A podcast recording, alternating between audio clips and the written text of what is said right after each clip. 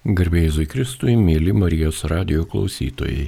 Šioje laidoje kviečiame pasiklausyti apie duomenų apsaugą pasakojimo, kurį maloniai sutiko pateikti radio klausytojams Gedrius Kalvanas. Minint duomenų apsaugos pasaulinę dieną, mėly radio klausytojai, kviečiame jūs atkreipti dėmesį į tai, kaip vyksta duomenų apsaugos ir naudojimo procesas Lietuvoje. Taigi informacinių technologijų specialistas Gedrius Kalvanas atvyko į Marijos radijos studiją ir šią valandėlę bendraus su jumis. Jam klausimus užduoda Liutauras Serapinas ir Gerbėjai Kristai. Per amžius amen. Taigi, ši diena pasaulyje yra pažymėta kaip duomenų apsaugos pasaulinė diena. Ir minint šią dieną gal galite plačiau papasakoti, kodėl kada ji pradėta minėti pasaulyje, o ypač Europoje, gal Lietuvoje. Taip, turbūt labai daug girdime apie duomenų apsaugą ir turbūt ši tema yra apipinta daugybė mitų,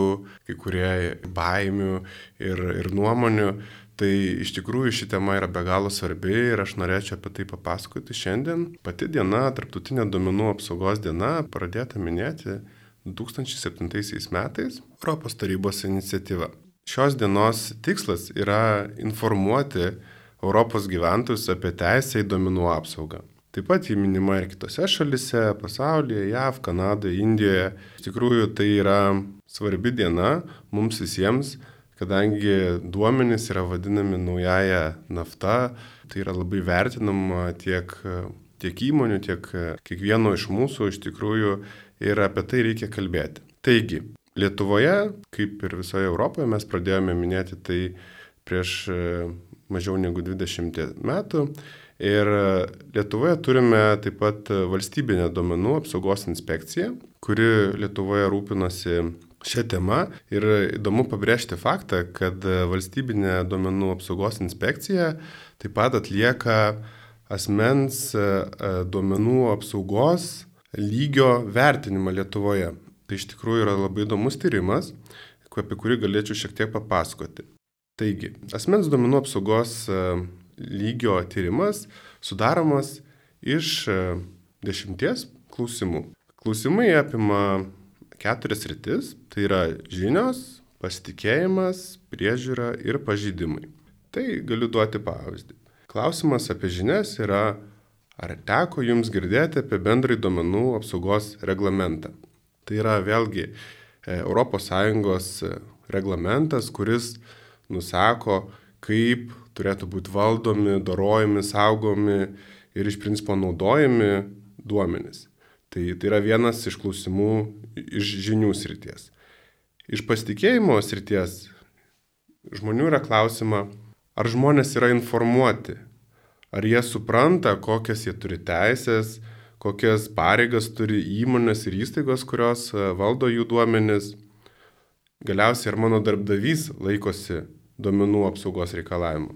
Trečias rytis yra pažydimai. Tai iš principo yra klausimas, vienas, vienintelis klausimas ir tai yra šitoje srityje, tai ar aš žinau, ką daryti, jeigu turiu surūpinimų, nuogastavimų dėl savo duomenų, kur man reikėtų ieškoti pagalbos, kur man galbūt reikėtų pasiskūsti, gauti daugiau informacijos. Ir galiausiai ketvirtas rytis yra priežiūra. Tai iš principo, kaip prižiūrimos įstaigos ir įmonės, kas jas prižiūri, ir iš principo kokie yra principai duomenų valdymo ir sąlygos. Taigi, turbūt įdomu sužinoti, kokio lygio duomenų apsaugą turime Lietuvoje. Tai Lietuvoje turime 60 procentų. E, jau porą metų išėlės šis e, rodiklis labai nesviruoja. Tai mano supratimu tai reiškia, kad e, tikrai turime supratimą. Priežiūros klausimų esame geriausi, tai žmonės yra informuoti, kur galbūt reikėtų kreiptis, kur paskambinti, kam parašyti, tačiau um, labiausiai reikia žinių. Ir būtent čia mes šiek tiek uh, norėtumėm daugiau papasakoti apie žinias, kaip užtikrinti savo duomenų apsaugą ir kaip to rūpintis. Tai turbūt galim perėti prie kito klausimo. Mėly radio klausytojai, šiandien laidoje su jumis Gedrius Kalvonas, informacinių technologijų specialistas ir jis pasakojo mums apie duomenų apsaugą. Taigi, kada kokiomis situacijomis kyla didžiausi pavojai duomenų saugumui? Turime omeny turbūt ne vien personalinių asmens duomenų, bet ir įmonių ar organizacijų. Turbūt visi džiaugiamės turėdami internetą, prieigą prie įvairiausių paslaugų. Iš principo, kiekvieną savo kišenį nešiojamės labai galingą kompiuterį. Tai yra mūsų mobilus telefonas. Turime dešimtis mobiliųjų aplikacijų, ar ne? Turime planšetės, e, kompiuterius, įvairius nešiojamus e, laikrodžius išmaniuosius, ar ne? Tai reikėtų suprasti, kad su visa šita privilegija ir džiaugsmu gyventi e, skaitmeniniais laikais, turėti didžiausias bibliotekas savo rankoje, kur tu gali iš tikrųjų pasiskaityti, rasti informaciją, e, žaisti žaidimus, žiūrėti filmus, mokytis, klausytis Marijos radio, net ar ne, e, iš, iš internetu. Bet prie viso to, kaip žinot, visada yra ir šiek tiek neigiamų dalykų ir pavojų, ar ne? Tai pagrindiniai pavojai ir tokios situacijos, kas kas atsitinka, tai yra, yra, yra tokios. Tai kartais atsitinka įsilūžimai. Įsilūžimai tai gali atsitikti į paskirą, ar ne? Tai jeigu mes turime elektroninio pašto adresą ir tuo nesirūpiname, nesirūpiname to pašto apsauga, ar ne, kaip mes ir, pavyzdžiui, jeigu nerakintumėm būto arba būto spina būtų paprastas kabliukas, tai labai paprasta yra tiesiogiai atkabinti ir užeiti, ar ne? Tai panašiai yra ir su mūsų paskyrom, tiek Facebook'e, tiek elektroninio pašto e, paskyrom.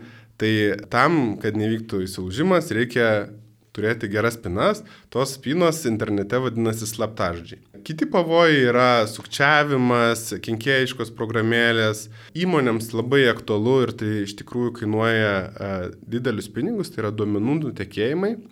Nes įmonės turi skaupusias didelius klodus e, informacijos ir duomenų apie klientus, apie įvairias vidinės transakcijas, tai iš tikrųjų e, sukčiam labai knieti prisikast prie tų duomenų ir jie taikosi, nes e, ten turbūt yra didesnė vertė tų duomenų negu, sakykime, galbūt mūsų šeimos nuotraukos ir kažkokie asmeniniai susirašinėjimai, ar ne? Kiti dalykai tokie, kurie galbūt rečiau atsitinka, bet apie kuriuos galbūt irgi retai pagalvojam, tai yra vagystė, ar ne, jeigu arba pamečiau, pavyzdžiui, telefoną, kas atsitinka su duomenimis, kuriuos aš ten laikau, tai iš tikrųjų yra didelis spektras pavojų, bet jie taip pat turi ir bendrus vardiklius. Ar galiu papildomai jūsų paklausti? Daugelis žmonių bando slaptažodžius, pavyzdžiui, savo bankininkystės elektroninės arba elektroninio pašto ar durų kodų fotografuoti ir laikyti fotografijų aplanke, nes fotografijų labai daug, jos dažniausiai numeruojamos tik ir iš archivavimo taip greitai ir nesuprasi, kas ten viduje yra. Bet, manau, yra tokių galimybių kaip Picasso programėlė, kuri iškart rodo ir nuotraukos turinį. Ar toks slaptažodžio laikymas fotografijoje, vadinkime slaptoje, yra patikimas? Tai būtent fotografija, vaizdas, video, nuotraukos, rašteliai, tai viskas yra duomenis, ar ne? Duomenų apibrėžimas iš tikrųjų yra labai platus. Ir, sakykime, atsakant jūsų klausimą, nusifotografuoti bankininkystės prisijungimo kodus ir juos laikyti telefone iš tikrųjų yra nesaugu. Kadangi nutekėjus tai nuotraukai įvyksta grandininė reakcija ir yra prarandami antriniai duomenys, kaip banko, jūs praradot nuotrauką, bet tos nuotraukos turinys yra be galo svarbus ir tai gali turėti, sakykime, neigiamų pasiekmių antrinių, ar ne? Ne tik, kad praradau nuotrauką, bet šit praradau prisijungimus. Tai slaptažodžius ir slaptą informaciją reikia saugoti, nes tai yra mūsų raktas į mūsų turtą, į mūsų išgyventą, tai yra taip pat raktas į mūsų materialius dalykus, ar ne, tai mūsų um, sąskaitos, prieigos, bet taip pat ir mūsų privatų gyvenimą, ar ne, turbūt nenorime ne vienas, kad kažkokie nepažįstami e, sukčiai žmonės gautų prieigą prie mūsų asmeninių susirašinėjimų, video, kaip mes švenčiame gimtadienius ar mūsų atostogų nuotraukas ar ne, tai iš tikrųjų yra net atlikti tyrimai, kad e, tai kelia žmonėms stresą, ar ne? Ir žmonės iš tikrųjų rūpinasi ir jie šitą tokį negatyvų foną galbūt ir jaučia, kad o ką man daryti su slaptažodžiais, ar ne? Nes yra tiek būdų juos laikyti, saugoti, gal man juos atsiminti, kaip man atsiminti, ašgi turiu dešimtis įvairių prieigų, viską reikia atsiminti, o gyvenimas vyksta greitai, ar ne? O, o galiausiai mes viską supaprastinam, bet jeigu supaprastinam gyvenimą savo, tai galim supaprastinti gyvenimą ir žmonėm, kurie turi nelabai gerų kėslų, ar ne? Gerai, o kaip, ar įmanoma slaptažodžius atspėti svetimam žmogui? Vienareikšmiškai, taip. Galbūt mes čia sėdinti studijoje, galbūt mums būtų sudėtinga atspėti vieno kito, vienas kitos slaptažodžius, bet reikia turėti omeny, kad e, grupės žmonės, o gal net suinteresuotos, sakykime, organizacijos, jos turi pakankamai nemažus resursus, ar ne? Taigi, duosiu pavyzdį. Atspėti slaptažodį, kuris yra tiesiog žodis, plus galbūt metai namieji, tarkime, jūra 24 ar ne.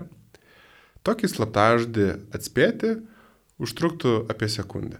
Automatizuotų būdu tai užtrunka akimirką, kadangi jeigu mes nešiojame savo kišenėse galingus kompiuterius, tai tokie pat kompiuteriai ir dar galingesni, super net kartais kompiuteriai su vaizdo plokštėmis, kurie atlieka daugybę skaičiavimų ir iš tik principo gali patikrinti vieną milijardą slaptažodžių per sekundę. Tai aš tiesiog norėčiau, kad klausytojai savęs paklaustų, ar aš galiu būti toks išradingas, kad sugalvočiau žodį ir galbūt skaičių prie to žodžio, kuris nebūtų tame milijarde. Ir dar kitas dalykas yra, kad slaptažodžio ar žodžio ilgumas iš tikrųjų neduoda e, daug naudos, nes, e, tarkime, slaptažodis jūra ir tiranozauras yra tokia pat lygio slaptažodžiai, kadangi jie yra žodynė. O vienas iš slaptažodžių atspėjimo būdų yra tiesiog paduoti visą žodyną, kuriame galbūt yra milijonas žodžių ir tas milijonas žodžių yra patikrinamas per sekundę. Tai ir jūra, ir tiranozauras bus tame žodinė greičiausiai, ar ne, tai ir slaptažodis bus atspėtas. Taigi, mėly radio klausytojai, girdime laidą, kurioje informacinių technologijų specialistas Giedrius Kalvonas pasakoja mums apie duomenų apsaugą. Jau daug ką sužinojame, o ar įmanoma dirbtiniu intelektu, tai yra programomis, pagristais įrankiais, nulaužti vartotojų slaptažodžius. Internete atrodo jau yra toks įrankis vadinamas, kuris daugiau nei pusę slaptažodžių galėtų nulaužti per minutę. Kas tai? Taigi, kas yra jau girdėję apie dirbtinį intelektą, o galbūt kas ir nėra, tai tiesiog pasakysiu, kad dirbtinis intelektas tai yra iš tikrųjų labai um, pažangus būdas atlikti užduotis pasinaudojant uh, mašininiu mokymusi. Dabar iš ko mokosi mašina? Jeigu žmogus mokosi iš knygų, eina į mokyklą, universitetą, o mašinos mokosi iš duomenų. Taip, tai gaunasi toks užburtas ratas, kad mes kalbame apie duomenis, mums duomenų yra per daug, žmogaus e, smegenis nesuvokia ir turbūt nereikia suvokti visų duomenų šaltinių ir būdų, tuo, ar ne, net yra sakoma, kad YouTube per minutę yra sukūrėme tūkstančiai valandų filmuotos medžiagos, tai grįžtant prie klausimo, mašinos sugeba mokytis iš daug duomenų ir dar kas įdomiausia, kad pastaruoju metu išpopuliarėjo būtent generatyvinis dirbtinis intelektas. Ir būtent priemonė, kurią jūs paminėjot, PASGAN, yra neuroninių tinklų architektūros tipas, kuris sugeba generuoti duomenis, šiuo būtent duoju pavyzdžiui, sugeba generuoti slaptažodį. Pavyzdžiui, jeigu paimkime žodį kaip slaptažodį, tarkime, Vilnius, ar ne? Vilnius. Toks būtų slaptažodis. Na, bet mes žinome, kad Vilnius yra labai lengvai atspėjamas, turbūt slaptažodis, ar ne? Tai mes pabandome jį pasunkinti. Ir pavyzdžiui, visas į trumpasis raideles pakeičiame į vienetą. Ne? Tam tikrų būdų tai yra pasunkinimas, įvedame du skaitmenis skirtingose vietose, puiku, atrodo jau, jau saugiau. Deja, būtent neuroniniai tinklai sugeba išvesti ir išgeneruoti įvairius vedinius iš žodžio Vilnius ir jie gali prigeneruoti dar tūkstančius derinių, kuriuose galbūt figuruoja kertinis žodis Vilnius, bet raidės bus apkeistos vietomis, bus pridėta tam tikrų specialiųjų simbolių, bus e, e, raidės sukeistos su skaičiais, ar ne?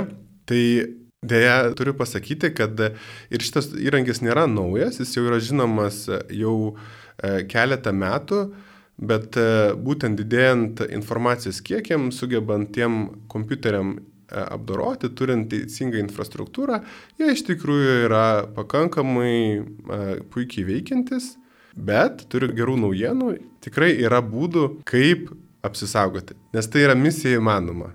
Vis tiek mes turime būdų būti saugus. Koks turėtų būti slaptažodis, kurį naudojame interneto įvairiose svetainėse? Tai klausimas, koks, e, aš manau, yra viena iš dalių. Taip pat, taip pat e, norėčiau vesti dar porą e, tokių faktorių ir dimensijų. Tai be to, kad slaptažodis yra vienoks, šioks ar toks, labai svarbu suprasti, kur slaptažodis naudojamas, kiek kartų slaptažodis yra pernaudojamas, kaip dažnai mes keičiame slaptažodį. Taigi vėl grįžtant prie pavyzdžių. Jeigu sugalvojame slaptažodį apelsinai ir pasunkinam jį ir iš tikrųjų jau geras slaptažodis gaunasi, pridedam specialiųjų e, simbolių, skaičių priekį ir gale, ar ne, Jo, tai jau yra sudėtingesnis žymiai slaptažodis ir tokį slaptažodį tikrai neužtruks sekundės ar minutės, e, tarkim, atspėti, ar ne? Bet jeigu mes šitą slaptažodį panaudosime visur - pašte, kažkokiose paskiruose, elektroniniai priekyboje, vienas slaptažodis, kurį mes labai gerai atsimenam ir manom, kad jo niekas neatspės. Kas gali atsitikti, ir taip atsitinka, kad viena iš tų platformų gali būti liaudiškai tariant, nulaužta. Ir tas slaptažodis jau patenka į sukčių rankas ir jų sąrašus. Tai kitaip tariant, jie jau žino, kad toks slaptažodis egzistuoja ir kad vat, būtent jūsų elektroninio pašto adresas, jūs esate šitas žmogus, jūs naudojate šitą slaptažodį, gerai, patikrinam, ar šitas slaptažodis taip pat tinka ir kitose platformose. Ir iš čia kyla rizika su slaptažodžiu pernaudojimu.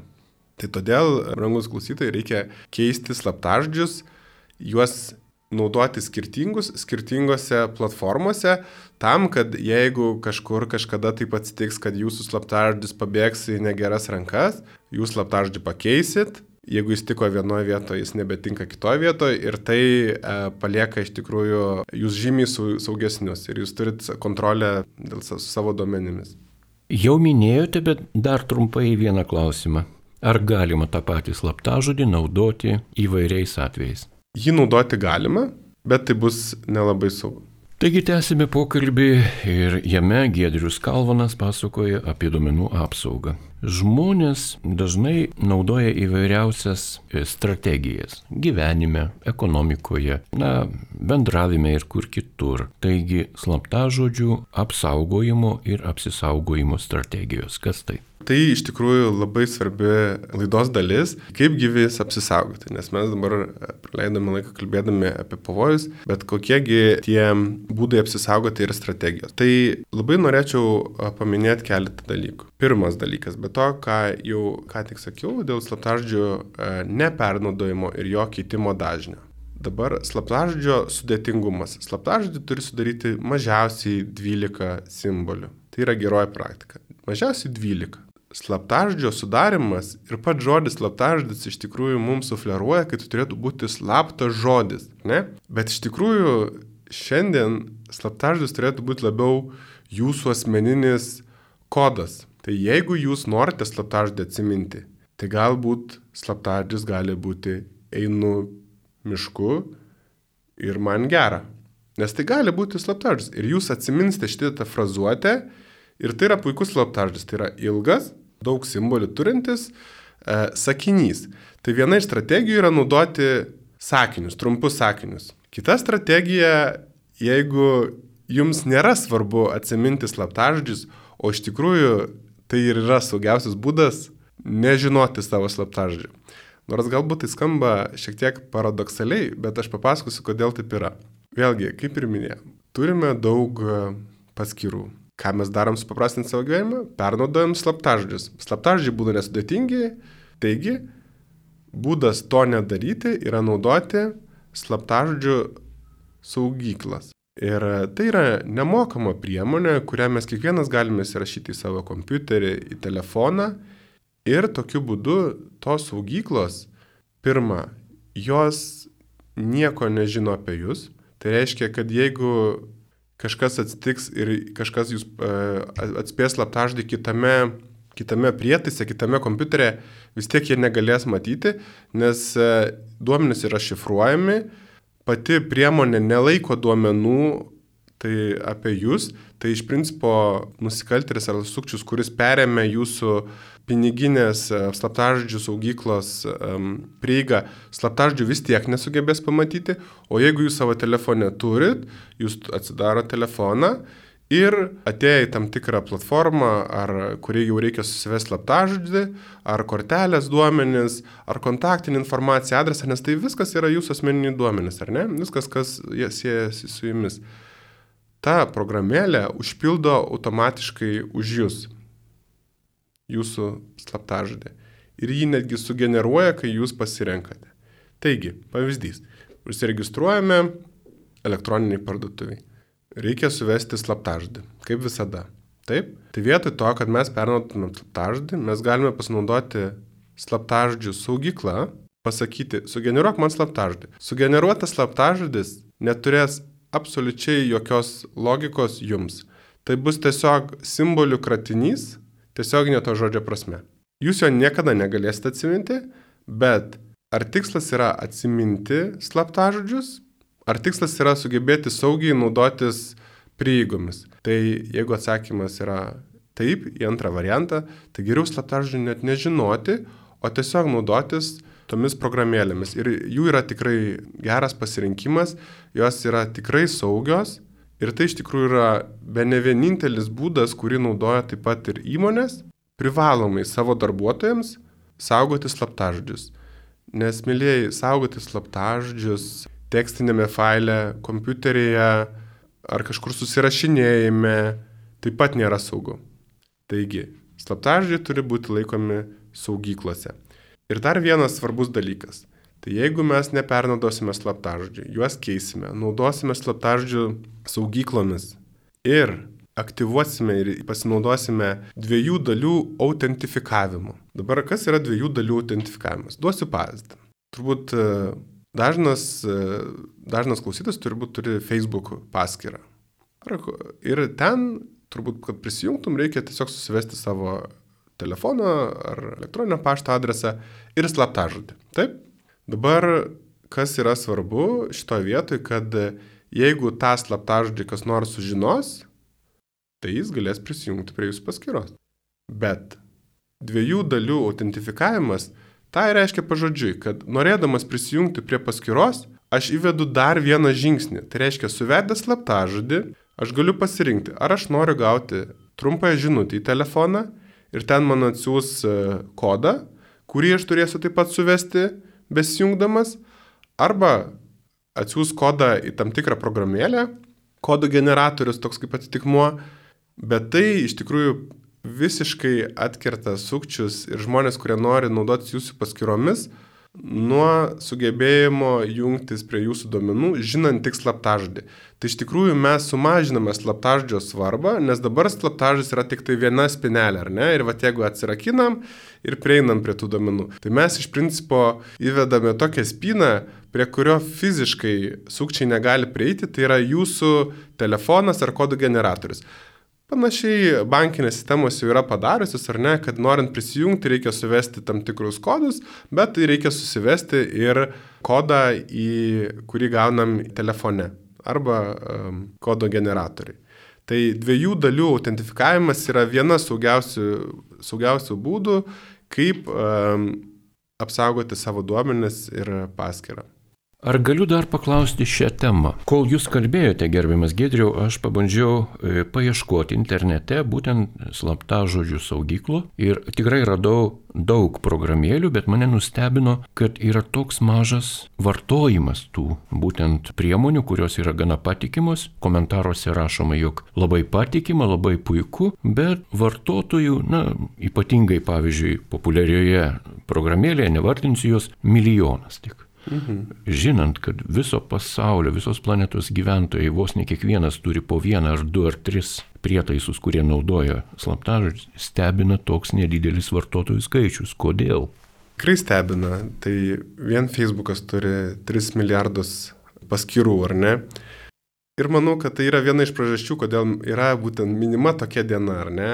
Kad e, sąmoningumą reikia kelti, mums reikia tobulėti ir suprasti, kad e, mes nesam per maži ir sukčiam galbūt nereikia mūsų nuotraukų iš atostogų, bet pasinaudodami jūsų paskirtą gali įvykti socialinė inžinierija. Pavyzdžiui, pasinaudojant paskirtą išsiųsti kitam, atrodo paskira patikima, tikras vardas, tikra pavardė, rašo, klausyk, labai geras pasiūlymas, paspaus čia.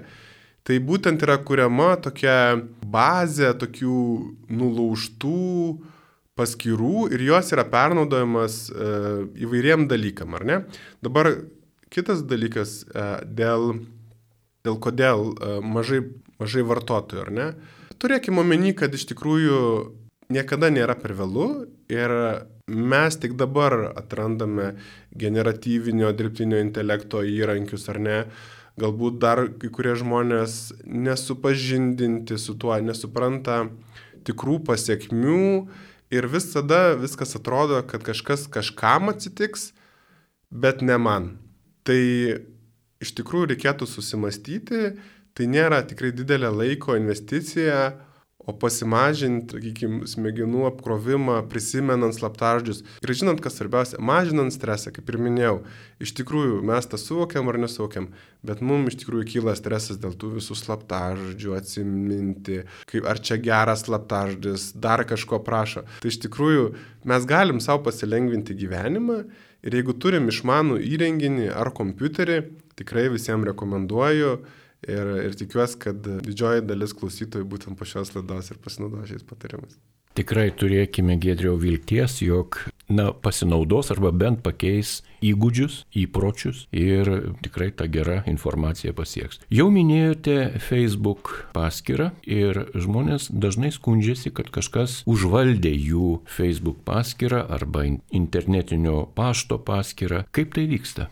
Tai be to, kad e, yra silpni slaptažodžiai, yra, yra sukčiavimo būdas, kuris yra socialinės inžinerijos dalis. Tai ir apie tai taip pat girdime viešoje erdvėje, tai iš principo yra siunčiami laiškai arba trumposios žinutės. Angliškai tas terminas vadinasi phishing. Tai labai panašiai skamba kaip žvejojimas, bet iš tikrųjų tai yra būdas toksai žvejojimas, tinklo metimas. Tai šiuo būdu yra siunčiami e, grupiniai laiškai, iš tikrųjų net nesigilinant į adresatą, tiesiog gaunant e, ir, sakykime, liaudiškai nusirbent įvairius pašto adresus iš interneto, tiesiog siunčiama šimtui tūkstančių žmonių, tikimasi, kad kažkokie žmonės paspaus ant tos nuorodos arba dar blogiau uh, suves uh, jautrę informaciją. Tai dabar konkretus scenarius dėl Facebook'o. Gaunate laišką, kuris adresuotas iš security, kas reiškia saugumas, eta fb.com. Skamba labai tikrojiškai, ar ne? Arba security eta facebookmail.com. Tai reikia suprasti, kad e, tuos adresus, iš kur yra siunčiama, yra labai lengva tiesiog padaryti fiktyvius. Jie nieko nereiškia. O skamba labai panašiai. Ar ne? Ir laiškas atrodo labai rimtai, jūsų paskyra kažkas bando nulaužti, tuoj pat prisijungkite, nes kitaip mes užblokuosime, prašome skubiai tai padaryti. Yra, yra vykdomos tokios psichologinės atakos prie žmonės, bandoma žmonės išgazdinti visų pirma. Reikia išgazdinti, pasakyti, kad kažkas bus, jeigu jūs greitai nevykdysit mūsų reikalavimų, apsimetant, sakykime, tuo, ko nesant. Taigi, paprašoma suvesti slaptažodį. ten paspaudžiama, o ten atsidaro 99,9 identiškas Tinklalapis atrodantis kaip Facebook. Identiškas. Galbūt ten kažkoks dalis skirsis ir domenas bus kažkoks kitoks. Domenas tai yra kaip aš, e, interneto adresas. Tai facebook.com, tarkim, o ten bus, tarkim, nežinau, viena raidelė praleista arba daugiau raidelių pridėta. Ir viskas atrodys taip pat kaip jūsų įprastas prisijungimas, jūs suvesite savo elektroninio pašto adresą, e, suvedate slaptažodį, viskas išsiunčiate ir jūs iš principo atiduodate savo prisijungimus sukčiam. Taip pat vykdoma su internetinė priekyba, ar ne? Gaunama žinutė, sveiki, jūs dabar gausite 40 procentų nuolaidą šitoj nuostabioj interneto parduotuviai.